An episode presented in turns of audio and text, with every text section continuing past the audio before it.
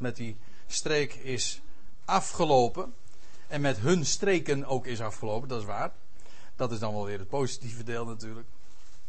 Maar er kwam nog eventjes een vraagje over dat wat ik zo even tussen de bedrijven door had opgemerkt over Dap Eldra. Waar zoveel duizenden graven gevonden waren. Waarvan sommigen zelfs zeggen dat het er 500.000 graven en anderen zeggen een miljoen. En hoe dat kan, omdat de eh, wereldbevolking nog in die dagen toch relatief klein was. Nou ja, en uh, we hebben in de pauze het uh, al zo opgelost dat je dat waarschijnlijk met een korreltje zout moet nemen. Wat niet zo'n wat niet zo'n probleem is daar in de omgeving van de Dode Zee. Nou, dat is echt zo, want ik heb diverse getallen daarvan gelezen. Waarmee dus maar gezegd wil zijn dat met zekerheid daarover niets te vermelden is. Het, het is het diende wel, zo heb ik gelezen, als een regionale begraafplaats. Dus alle mensen uit de omgeving werden kennelijk daar in Dap Eldra, of hoe dat ook maar geheten mogen hebben, werden daar begraven. En er zijn talloze graven inderdaad, van, uh, inderdaad gevonden.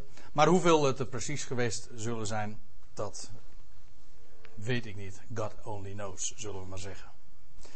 En dan gaan we nu naar het tweede deel. Ik wil voor de derde keer wijzen op dat vers in Judas. En nu weer op een ander deel. Ik citeer het drie keer en drie keer met een verschillend doeleinde. Ik lees het vers in zijn totaliteit nog een keer voor. Er staat zoals Sodom en Gomorra en de steden in hun nabijheid, die op gelijke wijze als gene, dat wil zeggen op een gelijke wijze als Sodom en Gomorra, haar hoererij hebben botgevierd en ander vlees achterna gelopen zijn, als voorbeeld onder een straf van eeuwig vuur. Let op wat hier staat. Dat wat Sodom en Gomorra en die naburige steden is overkomen, dat is gesteld tot een voorbeeld, ja, onder een voorbeeld van wat? Nou, van onder een, een voorbeeld van onder een. Nou, ik heb een staf zie ik ineens, maar dat moet zijn straf natuurlijk. Onder een straf van eeuwig vuur. Nou, degene die hier vaker komen, die, voor hen is het geen geheim dat eeuwig in de Bijbel per definitie, dat kun je altijd zo om, uh, weergeven, betekent eeuws. Niet betrekking op eeuwigheid, maar betrekking hebbend op eeuw. En dat blijkt in dit verband ook weer gewoon de sleutel te zijn. Dat is niet alleen maar de betekenis gewoon, zowel vanuit het Hebreeuws als vanuit het Grieks. Maar het is ook de enige betekenis die het kan hebben als je het relateert aan wat we elders in de schrift daarover aantreffen. Want wat is namelijk het verhaal? Deze steden zijn dan weliswaar getroffen door eeuwig vuur, eeuws vuur. Maar A, dat vuur brandt al lang niet meer. En B, deze steden en die hele omgeving zullen in de toekomst, maar daarover straks meer, zullen hersteld worden. Hoezo eeuwig? Als ergens de betekenis van het woord eeuwig blijkt, dan is het juist hier wel. Ik vind dat prachtig. Kijk, Sodom en Gomorra en die steden die zijn inderdaad getroffen door een goddelijk oordeel.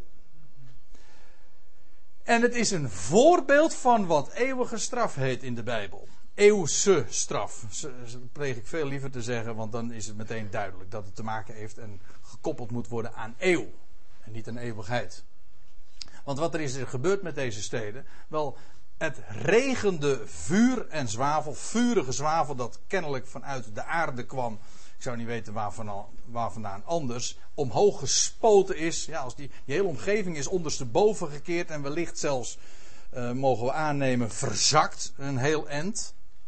En ja, dat heeft zoveel met de aardkorst en wat daaronder zich bevindt gedaan. En daar kwam vuur en zwavel in gigantische hoeveelheden vrij vanuit de, van, van onder de aardkorst vandaan. En het regende op die steden. En die steden zijn in één ogenblik gewoon allemaal weg gevaagd. En compleet in de as gelegd dus. Ik heb daar voor de pauze natuurlijk wat voorbeelden ook van laten zien. De Bijbel zegt het ook. Ze zijn in de, die steden zelf zijn helemaal in de as gelegd. Maar dat was een heel plotseling oordeel. En dat vuur, dat heeft niet zo lang gebrand. Dat was namelijk, dat, dat, heeft, dat heeft zulke enorme hoge temperaturen gehad. Dat, is, dat was in no time, was het ook verbrand. Het was helemaal geen, geen, geen eindeloze foltering. Trouwens, even terzijde, maar dat is in het algemeen de wijze waarop God oordeelt. Als, als God een oordeel uitvoert, doet hij dat kort en krachtig.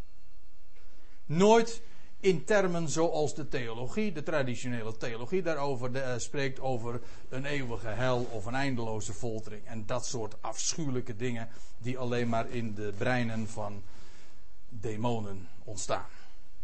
Ja, sorry, maar dat is echt zo.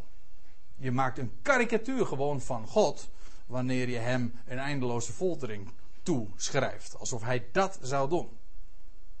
Dat is. Dat komt zelfs in het brein van, van, van onmensen, als ik, het, als ik ze zo mag noemen. Zulke beulen als Hitler en Idi Amin of Nero of zulke figuren, is dat niet opgekomen. Maar daarvan wordt wel God beschuldigd. Waarvan men ook dan nog eens een keer zegt dat hij een liefdevol God is. Nee, God is inderdaad oordeelt, dat is waar. Maar dat oordeel dat hij uitvoert is altijd inderdaad krachtig, maar ook kort. Dat is, Sodom en Gomorra is daar een voorbeeld van. Dat is een, ligt onder een voorbeeld van eeuws vuur. Dat wil zeggen dat vuur heeft voor de eeuw, voor de aion zijn werk gedaan. Het ligt daar, het is daar 4000 jaar geleden. Even kort bij, na de aanvang van deze boze aion is het in, uh, in de as gelegd. Want deze Aion, daar ga ik even vanuit, is deze boze, deze boze Aion is begonnen uh, na de zondvloed. En duurt voort tot de terugkeer van de Heer Jezus Christus. En dan breekt de toekomende Aion aan. Maar nu nog steeds liggen die steden onder een straf van eeuws vuur. Dat wil zeggen, het is in de as gelegd en nog steeds is het daar ligt het onder dat oordeel. Tot een voorbeeld. Het is gewoon te bezien. Dat vuur heeft dus voor de eeuw zijn werk gedaan. Daar is het een voorbeeld van. En daar komt ook een einde aan. Dus als mensen praten over eeuwig vuur en denken dan in, in en dan je proberen wijs te maken, zoals dat altijd in de christelijke theologie is gedaan en vanaf de kansel is verteld en gedreigd is met een eindeloze verdoemenis. Dat is niet waar, dat is een absolute karikatuur van God maken. Want het is namelijk precies andersom. God heeft Sodom en Gomorra geoordeeld, dat is waar. Maar hij deed het kort, hij deed het krachtig. En weliswaar voor de eeuw, maar eh, ook met een totdat. Bij God heeft het altijd een totdat. Het, heeft nooit, het oordeel heeft nooit het laatste woord. Ik moet dan altijd denken aan wat we lezen in Psalm 30, vers 6. Een ogenblik duurt zijn toren, maar een leven lang zijn goede tierenheid. Zo verhoudt God storend zich tot zijn goede tierenheid. En zijn toren staat ook niet in tegenstelling tot zijn goede tierenheid, alsof hij voor het grootste gedeelte goede tieren is, maar ook wel een beetje toorn. Nee, die toorn staat ook ten dienste van de goede tierenheid. Het is in wezen een uiting van zijn goede tierenheid, want het is namelijk om zijn welbehagen te openbaren. Daar is het voor. Zoals ook uh, een, een vader zijn kind kastijdt niet omdat hij uh, niet alleen maar zijn, van zijn kind houdt, maar ook wel eens een keertje in een verkeerde bui is. Nou, dat kan trouwens ook wel. Bij een aardse vader. Nee, het is juist zo. Wie zijn zoon lief heeft, kastijdt hem. Dat kastijden staat niet in contrast met die liefde, maar er staat juist ten dienste van die liefde. Als je dat niet inziet, maak je een karikatuur, een, creëer je een verkeerd en vals beeld van God. En van wat liefde en goede tierenheid in het algemeen is. Goed. En dat inderdaad aan dat lot van Sodom en Gomorra, aan van die steden en waar. En hoe dat er nu voor staat dat daar een einde aan komt, dat het een totdat heeft, dat blijkt uit Ezekiel 16. Om te beginnen, ik ga het u voorlezen. Ezekiel 16, vers 53. En ik, met een hoofdletter, God is hier aan het woord, zal een keer brengen in haar lot. Het lot van Zodom. En haar dochters. Dat wil zeggen de steden die daaruit voortgekomen zijn. En tevens zal ik een keer brengen in uw lot. Dat wil zeggen in het lot van Jeruzalem. Dan weten we eigenlijk ook meteen al dat het gaat over het begin van de toekomende eeuw. Dan staat er in vers 54 nog bij: opdat gij uw schande draagt en u beschaamd gevoelt over alles wat gij gedaan hebt, waarvoor gij haar troost hebt verschaft. En dan vers 55: uw zusters, Sodom en haar dochters, zullen terugkeren tot haar vorige staat. Dat wil zeggen, die steden die hadden ooit zo'n glorie en bevonden zich in zo'n geweldige omgeving. In die, wat las ik in Genesis 13? Het was een vruchtbare streek. Zeer rijk aan water en bovendien zeer groen. Het was gelijk de hof des heren en gelijk de, de streken van Egypte, zoals de Nijldelta eruit ziet. Zo als het ooit was, zo zal het weer worden. Het wordt hersteld. Het zal weer terugkeren naar haar vorige staat. Dat wordt expliciet over Sodom en die steden in de naburige omgeving gezegd. Zoals Jeruzalem hersteld zal worden van Gods wegen, zo zal dat net zo goed plaatsvinden met Sodom en Gomorra. En de andere steden van Atmas, Seboim en hoe heette die andere? Zo waren juist. Ze zullen terugkeren tot haar vorige staat. En dan lezen we nog even verder, maar dan wel een heel aantal hoofdstukken verder, want we waren in Ezekiel 16 en nu zijn we naar Ezekiel 47 inmiddels gegaan. Dan lezen we over een tempelbeek. Over een beek die daar stroomt en die haar begin heeft in de tempel. Vanuit, van onder de tempeldorpel lees je dat daar een water stroomt in Jeruzalem. Een tempel die in, de, in het begin van het Messiaanse Rijk, in, de, het begin van de toekomende eeuw, gebouwd zal gaan worden. Ja, ja. En als je wil weten hoe die, die tempel eruit zal zien en hoe, die, hoe de maten zullen zijn en hoe het precies opgebouwd um, zal gaan worden, zeg maar de bouwtekening, die, wordt, die vinden we al sinds eeuwen gewoon zwart op wit in de Bijbel in die hoofdstukken van, hoofdstukken wat is het? Ja, Ezekiel, uh, te beginnen bij hoofdstuk 40 en dat gaat geloof ik door tot hoofdstuk 48. Allemaal een beschrijving van niet alleen maar hoe het land verdeeld zal worden, maar ook hoe de tempel herbouwd zal worden. Een compleet andere tempel als dat, eh, dat Jeruzalem ooit gehad heeft. In elk geval, vanuit die tempel zal een bron ontspringen, wat niet zo heel erg vreemd is, want ooit is de tempel al gebouwd op een bron, op de bron van Gihon. Maar daar heeft Rijtse Keizer hier ooit eens een keertje een studie over gegeven. Daar zullen we het nu niet over hebben. Daar ontspringt een bron. En een hele bijzondere bron. Een bron van levend water. En dan staat er in vers 8 van, van Ezekiel 47. Hij zeide tot mij: Dit water stroomt naar de oostelijke landstreek. Oostelijk van Jeruzalem. Dat wil zeggen naar. Inderdaad, richting de Dode Zee vloeit af naar de vlakte en komt in de zee. In de zee wordt het uitgestort, zodat haar water gezond wordt. En alle levende wezens die er wemelen, zullen leven. Overal waar de beek, letterlijk staat er, en als u een statenverdaling hebt, kunt u het ook goed lezen overal waar één van de twee beken, want het is een, een Hebreeuwse dualis, dat wil zeggen een tweevoudsvorm. Overal waar één van de twee beken komt, en er zal zeer veel vis zijn, want als dit water daarheen komt, dan wordt het water van de zee gezond. Ik kom straks er trouwens nog even op terug over één van de twee beken. Want die beken vanuit de tempel zullen twee richtingen opgaan. Hier in ieder geval de oostelijke richting, vanuit Jeruzalem dus richting het oosten, richting de vlakte, richting de Dode Zee. Die bij die gelegenheid een levende zee gaat worden, want dan staat er van het zal er wemelen van levende wezens. Zal zeer veel vis zijn. En waar dit water komt, daar wordt, het, uh, daar wordt de zee gezond. Kunt u zich voorstellen? Vissen in de Dode Zee? Nee, dat kan ik me ook niet voorstellen, maar dat is ook omdat het dan geen Dode Zee meer zal zijn.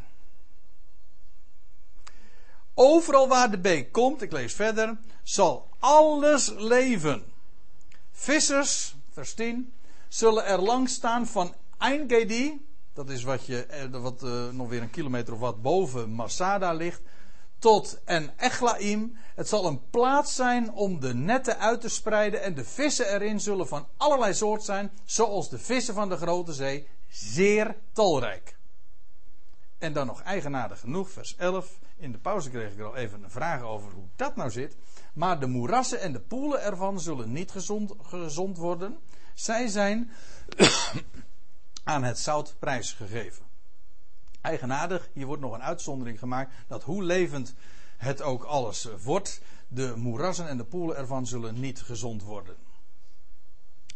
Je zou, je haast denken, zal dat dan ook nog een functie vervullen?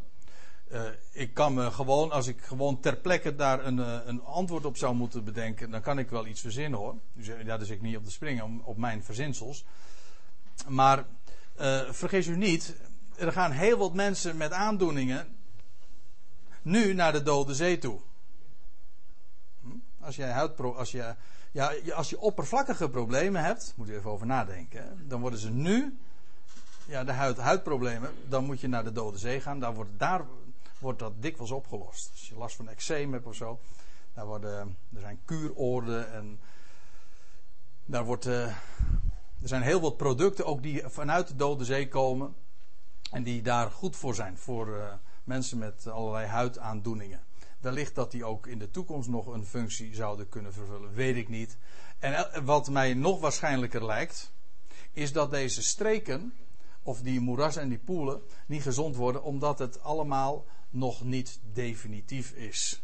Vergis je niet, we hebben het nu over het Messiaanse Rijk en dat is uiteindelijk nog maar een voorspel. Een preludium op wat er uiteindelijk gaat komen. En dan wordt de dood compleet niet gedaan. Misschien dat dat meer de, de dieper liggende verklaring van het verhaal is. Ik weet het niet, het, het wordt er niet bij vermeld. Het wordt er alleen eh, gewoon voor de geschiedschrijving er ja, het is een beetje raar om dat dit, in dit geval al geschiedschrijving te noemen, terwijl het nog moet plaatsvinden. Maar goed, zo werkt de Bijbel nu eenmaal. God verkondigt de dingen alsof zij reeds gebeurd zijn. Goed, zij zijn dus aan het zout prijsgegeven. En dan lezen we nog even verder in vers 12. Langs de beek zullen op haar oevers aan weerszijden allerlei vruchtbomen opschieten, waarvan het loof niet verwelkt en de vrucht niet opraakt. Elke maand zullen zij vrucht dragen. Dat wil zeggen, het is gewoon jaar rond. De hele, de hele jaar door zullen die bomen daar vrucht dragen. Elke maand zullen ze vrucht dragen, omdat hun water, let, let op hoe dat gemotiveerd wordt, omdat hun water uit het heiligdom komt.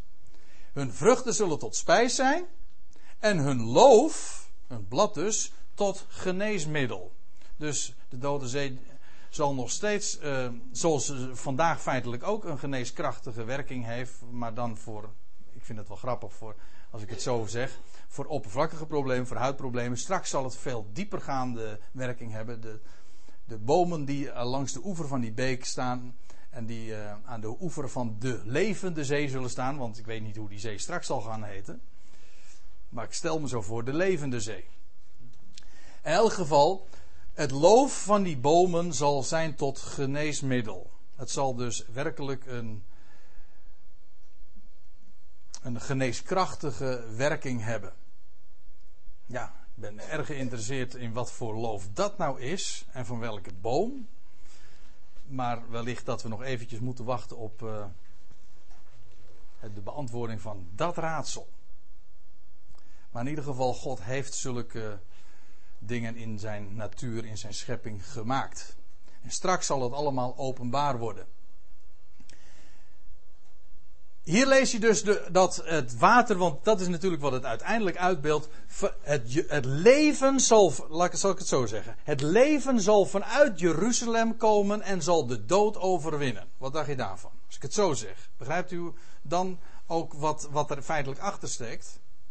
Want ooit, 2000 jaar geleden, toen werd daar de, het graf geopend en werd de steen weggewenteld en toen werd de dood overwonnen. En hij, de levensvorst, die de dood overwon, hij van daaruit, vanuit dat feit, zal de dood in zijn totaliteit overwonnen gaan worden. Vanuit het heiligdom, door dat levende water, zal de dode zee levend worden. De dode, ja, de dode zee wordt levend.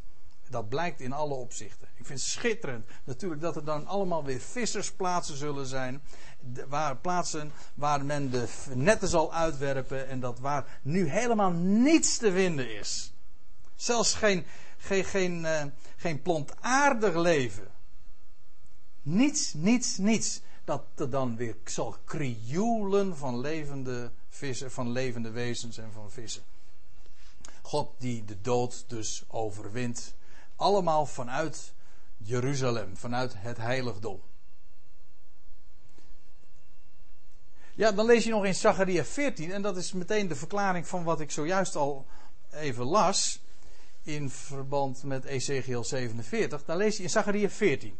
Dus dat bekende hoofdstuk waarbij je leest dat de Heer alle volkeren ten strijde zal doen laten trekken tegen Jeruzalem. De stad zal worden ingenomen. En dan lees je, te dien dagen zal de Heer zijn voet zetten op de Olijfberg, die bij die gelegenheid trouwens midden door zal scheuren. Dus er gaan nog heel wat geografische veranderingen ook in die streek plaatsvinden hoor. Zoals dat in het verleden heeft plaatsgevonden, gaat dat in de toekomst weer gebeuren. Er ontstaat gewoon daar in het, aan, het, aan de oostkant van Jeruzalem, bij die Olijfberg, ontstaat er gewoon ter plekke een dal. Op het moment dat de Heer zijn voet daar zal neerzetten, zal er een, een, een dal ontstaan, een vluchtweg, zodat het overblijfsel, wat niet om, dat wil zeggen de overgeblevenen die niet omgekomen zijn in de, in de oorlogen en de, en de oordelen die al hebben plaatsgevonden, die zullen vluchten naar de woestijn, et cetera. In elk geval, eh, na die gelegenheid, als Jeruzalem weer hersteld zal worden, dan lees je ook, dan gaat de stad, dan gaat de stad niet alleen hersteld worden, maar dan wordt de tempel herbouwd. Een hele nieuwe tempel zal, zal verrijzen. En dan staat er in Ezekiel, pardon, in Zachariah 14 vers 8, dan zullen te dien dagen levende wateren uit Jeruzalem vlieten. Ja, leven vind ik in dit verband wel heel erg mooi. Met recht leven, want het overwint namelijk de dood. De helft naar de oostelijke en de helft naar de, leef, naar de westelijke zee. In de zomer, zowel als in de winter, zal dat geschieden. Nou, ik weet niet of u het goed ziet op dit plaatje. Maar hier zie je dus Jeruzalem aan de ene kant. Kijk, dit is Jeruzalem. En er zal water vloeien. Er zullen levende wateren uit Jeruzalem vlieten. De helft daarvan naar de, de oostelijke kant, naar, dus naar de Dode Zee, dat dan een levende zee zal worden. En de helft naar de westelijke zee, dat wil zeggen naar de Middellandse Zee. En dan begrijp je ook, nou ga ik even terug naar vers. Ja, vers 9 van Ezekiel 47. Daar las ik voor. En alle levende wezens die er wemelen, zullen leven overal waar de beek. Letterlijk, overal waar één van de twee beken komt, er zal zeer veel vis zijn. Dus inderdaad, er gaat over twee wateren die vanuit het heiligdom zullen ontspringen. De ene helft zal naar de westelijke zee, de andere helft naar de oostelijke zee. Dus eh, er vindt daar een, nog weer een, een, enorme verandering plaats. Maar waar het vooral om gaat, er zullen levende wateren uit Jeruzalem vlieten. De dood wordt overwonnen en dat wordt dus ook in wezen daarin gedemonstreerd. Dat hele Messiaanse Rijk is niks anders dan een, een demonstratie van hoe God opereert, hoe God zijn plan realiseert en hoe God de dood overwint en zal overwinnen. Ja, dan wil ik nog eventjes uh, nog wat anders vertellen. Het heeft er direct ook mee te maken, want er loopt over de, aard, over de aardoppervlak. Kan ik dat nog doen? Oh jawel. Over een groot gedeelte van de aardkorst loopt er een enorme lange breuklijn. Dit is de langste bekende breuklijn die uh, er is op, op de aarde. En die wordt genoemd in het Engels de Great Rift Valley. Oftewel de grote slenk of de grote kloof. En die kloof, dat is een breuklijn die begint in Libanon, Syrië. En die loopt helemaal door naar Namibië. Of het noorden van Zuid-Afrika naar het gebied van Transvaal. En het, de uitloper daarvan is, en de naam noemde ik al eventjes, maar u wist niet toen dat het een woordspeling was. Eh, de uitloper daarvan is God's Window. Kent u dat? En de Drakensgebergte. Dat is, dat is het einde van die Great Rift Valley. Die helemaal een begin, die haar aanvang heeft in, in Libanon of in Syrië. Daarbij in het Golangebergte. Daar loopt een breuklijn. En die breuklijn, die gaat, uh, gaat dus inderdaad, die, die vangt hier aan. Op die breuklijn ligt het meer van Tiberias. Vervolgens de Jordaan. Dat is allemaal diezelfde breuklijn. Die breuklijn die gaat gewoon vanuit uh, de Jordaan uh, verder in de Dode Zee. Dat is ook, de Dode Zee is ook niks anders dan een onderdeel van die, die Great Rift, van die grote kloof. Die grote kloof gaat, zet zich gewoon voort ten zuiden van de Dode Zee. Want als je dan richting Eilat gaat, dat is nog een paar honderd kilometer, maar dat is nog één groot dal. Nog, dat, dat maakt allemaal deel uit van die grote kloof. En in feite, als je bij Eilat aankomt, daar bij de kust van de Rode Zee, dan gaat die kloof gewoon door en die zet zich gewoon voort in de Rode Zee. In deze uitloper van de Rode Zee. De uitloper, weten we wel, waar de Israëlieten doorheen getrokken zijn. Zoals Martin dat ooit heeft uitgelegd. Die, die grote kloof die zet zich vervolgens gewoon voort in de, in de Rode Zee die hier ook dan zo loopt. Dan maakt die grote kloof vervolgens een, eh, een tweedeling. Hier bij de, wat is het? Hoe heet deze golf? Ik ben even de naam kwijt, wie kan me helpen? Nou ja, hè? Aarde. Golf van aarde. Is dat zo? Ik uh, durf het niet te zeggen. Het zou best kunnen. Maar in elk geval, uh, dat, is, dat is de ene kant waar die kloof dan in vervolgens zich in voortzet. Maar in feite gaat die gewoon ook weer, uh, deze breuk zet zich gewoon verder voort naar het zuiden, door al deze gebieden heen. En zoals gezegd, hij loopt uiteindelijk uit in Namibië en nog de uitloper daarvan vinden we in het noorden van, of in ja, het noorden van Zuid-Afrika in Transvaal. En dat is die grote kloof, de Great Rift Valley. Als je op het internet kijkt, dan kun je een keur van artikelen daar allemaal over vinden. Dat is een hele bekende grote breuklijn over de aarde. En waarom vermeld ik dat nou? Wel, dat vermeld ik omdat die grote kloof in de Bijbel ook namelijk een grote rol speelt. Ja, daar zou nog heel wat meer over te vertellen zijn. Je zou het zelfs nog over de, de, de, de gelijkenis van de rijke man en Lazarus kunnen hebben. Ik kijk even in de zaal of er dan iets gaat rinkelen en een lampje branden. Daar lees je ook over een grote kloof. En ik denk dat het daar ook nog alles mee te maken heeft. Maar dat laat ik eventjes uh, rusten. Moet u er zelf maar eens over nadenken. Maar in elk geval, die grote kloof speelt in de Bijbel een hele grote rol. Want je hebt dus in de Bijbel de Rode Zee. De do eh, ja, van boven naar beneden, maar eigenlijk is dat van, van, van, zuid naar noord. Je hebt de Rode Zee, de Dode Zee, de Jordaan, het meer van Tiberias. Dat alles maakt deel uit van die grote kloof. En wat je dus in de Bijbel leest, dat Israël door de Rode Zee trekt. Nou, in de Bijbel wordt meer dan eens gezegd dat dat een beeld is van de, van de overwinning op de dood. De doortocht, ja, het was letterlijk een overwinning op de dood, voor Israëlieten ook, want ze stonden echt, ze stonden gewoon daar echt, waren in het nauw gedreven en ze konden geen kant meer op en ze zouden omkomen en dan creëert God zo een weg ter plekke terwijl Mozes zijn staf, een beeld van opstanding trouwens, zijn staf slaat op de zee en daar ontstaat zo een vluchtweg voor de Israëlieten. En zij gaan dwars als het ware door de dood heen. Later uh, is dat bij de Dode Zee in feite ook het geval. De Dode Zee is ook uh, Dat is ook een toonbeeld van de overwinning op de dood. Nou, waarom de Dode Zee een beeld van de dood is, dat hoef ik niet uit te leggen, want dat zit zelfs al in de naam opgesloten. Maar wat dacht u van de Jordaan? Dat is trouwens algemeen bekend. Hè? De doodsjordaan, zelfs in liederen wordt dat nog uitgedrukt.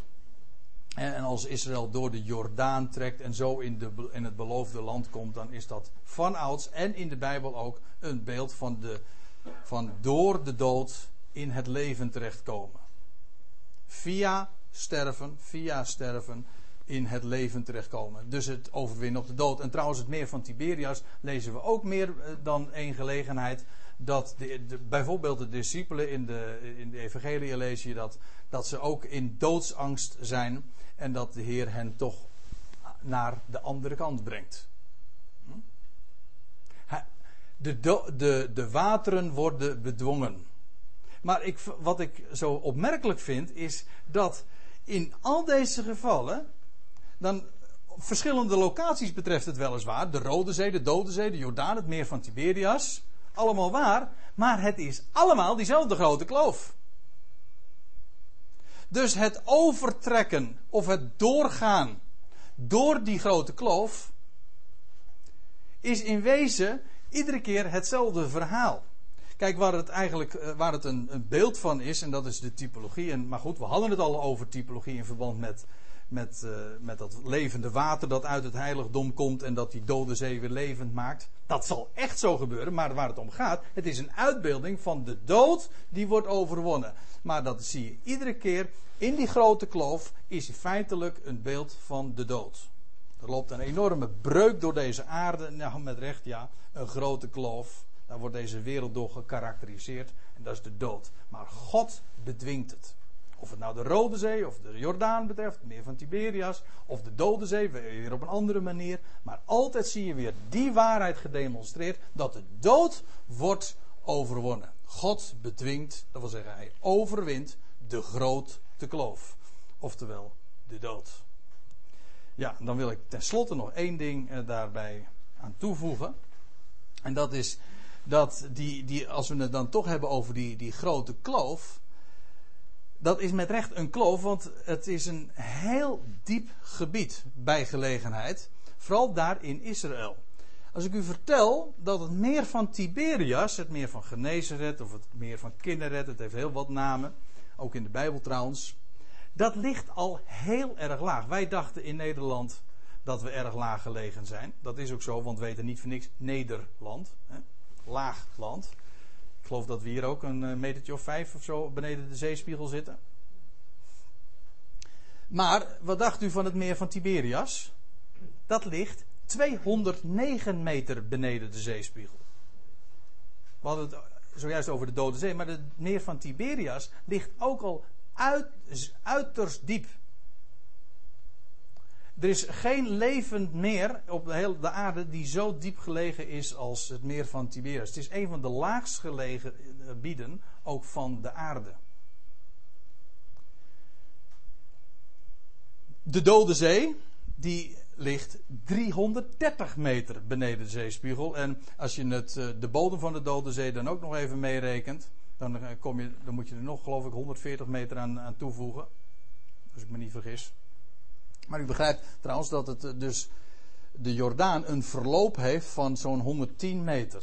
Het komt vanuit de meer van Tiberias en stroomt eh, door naar de Dode Zee en dat ligt nog 110 meter lager. Maar het, het, het begon al heel erg laag, want het, ligt, het meer van Tiberias ligt dus al 210 meter beneden de zeespiegel. Allemaal heel diep.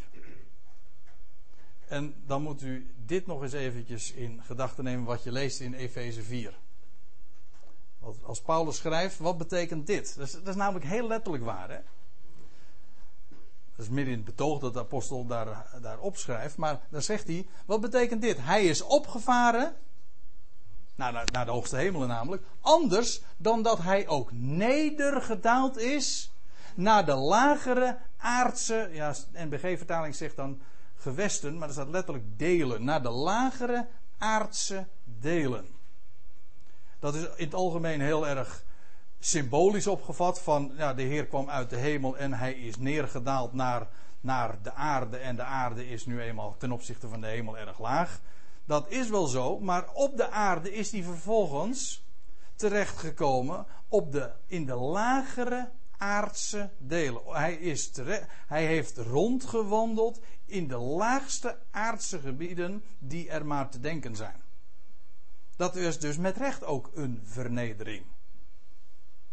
Ook in, dus zelfs als je het heel ruimtelijk en adreskundig opvat, heeft de Heer zich ook in dat opzicht dus vernederd. Hij is nedergedaald naar de lagere aardse delen. En zoals hij neergedaald is naar de lagere, naar de, ook naar de laagste aardse delen, want de Heer is ook, heeft ook in, de, het gebied van de Dode Zee, daar heeft, vond de verzoeking in de woestijn ook plaats, in die omgeving.